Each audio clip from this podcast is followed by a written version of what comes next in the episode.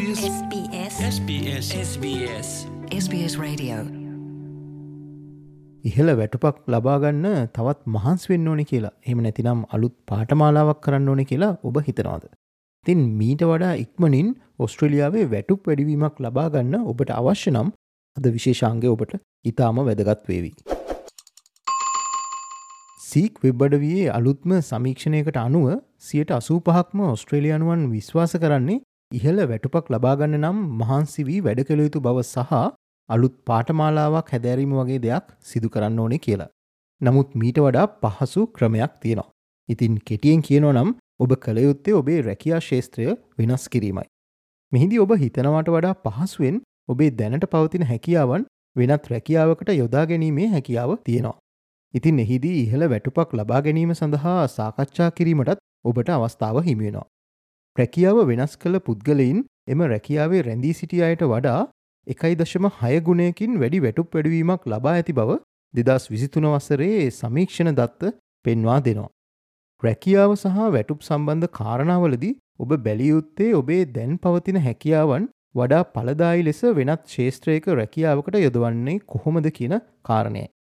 එහිදී ඔබට අලුත් ශේත්‍රයක වැඩි වැටුපක් හෝ ඉහළ වරප්‍රසාද දීමනා ලබා ගැනීමේ හැකියාව පවතින බව සීකායතනයේ කස්ටම ඉන්සයිටස් ඇන් ස්ට්‍රටජි අංශයේ ප්‍රධානී එයිමී හටන් පවසනවා. මෙහිදී තවත් වැදගත් ක්‍රමයක් වෙන්නේ ඔබේ පවතින හැකියාවන් සහ ව්‍යාපාරයට ඔබ විසින් එකතු කරන වටිනාකම ගැන හොඳ අවබෝධයක් ලබාගෙන එ ඔබේ ඉහළ නිලධාරින් සමඟ සාකච්ඡා කිරීමයි. මෙහිදී ඔබේ ශේත්‍රයේ ඔබේ රැකියාව සඳහා ගෙවන වැටුප් සම්බන්ධයෙන් මනා සංසන්ධනයක් කරතිබීම ඉතාම වැදගත් වෙනවා.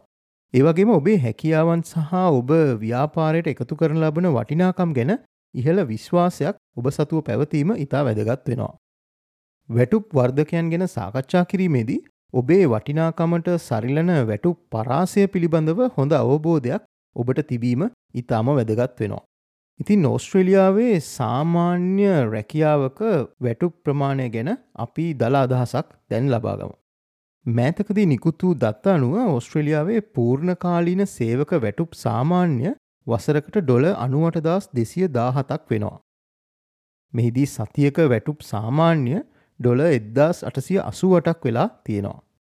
කොහොමුණත් ඔස්ට්‍රලියාවේ මධ්‍යම පාන්තික වැටුප ඩොල හැටහද්දාස් හයිසියක් පමණ වෙන බව වාර්තා වෙනවා. ඉතින් ඔස්ට්‍රේලියාවේ වැඩිම වැටුප් වර්ධකයන් ලැබී තිබෙන රැකයා ශේෂත්‍ර මොනවද කියලා අපි දැන් බලමු. මෙහිදී ප්‍රජාසේවා සහ සංවර්ධන සේවා අංශ එනම් ඩිවලප්මන් සෙක්ටර් කියන අංශාතරේ ඉහළ වැටුප් ලැබෙන රැකයා විස්සෙන් හයක්ම අන්තර්ගත වෙන බව සීකායතනයේ දත්ත පෙන්වා දෙනවා. සිල්ලර හා පාරිභෝක බාණ්ඩ නිෂ්පාදන අංශය ප්‍රවාහන සහ සැපයුම් අංශ මෙන්ම සෞඛ්‍ය හා වෛද්‍ය ශේත්‍රය ඉහළ වැටුප් වර්ධක ලබන මුල් ශේත්‍ර විස්සට ඇතුළත් වෙනවා. මේ අතර ඉහළම වැටුප් වර්ධක ලැබූ රැකයා පහලෙස fitter technician licensed aircraft maintenance engineer residential personal care support assistant සහ රෝඩ් ට්‍රේන් ඔපරේට යන රැකයා හඳුනාගෙන තියෙනවා. වැටුප් වැඩිවීමට බලපාන ප්‍රධාන හේතු මොනවද කියලා අපි දැන් බලමු. යම් රැකියාවක වැටුප් වැඩවීමේදී එම රැකියාවේ සේවකයන්ට පවතින ඉල්ලුම නව හැකියාවන් සහ පලපුරුද්ධ මූලික වශයෙන්ම බලපානවා. ඒ අයි තාක්ෂණය තොරතුරු හා දත්ත පිළිබඳ දැනුම සහ සයිබ ආරක්ෂාව වැනි නව හැකියාවන් සඳහා පවතින ඉල්ලුම ඉහළ ගොස් ඇති අතර මෙවැනි නව හැකියාවන් එකතු කිරීමෙන් ඉතා පහසුවෙන් වැඩිවෙටුප් ලබා ගැනීමට හැකියාව පවතිනවා.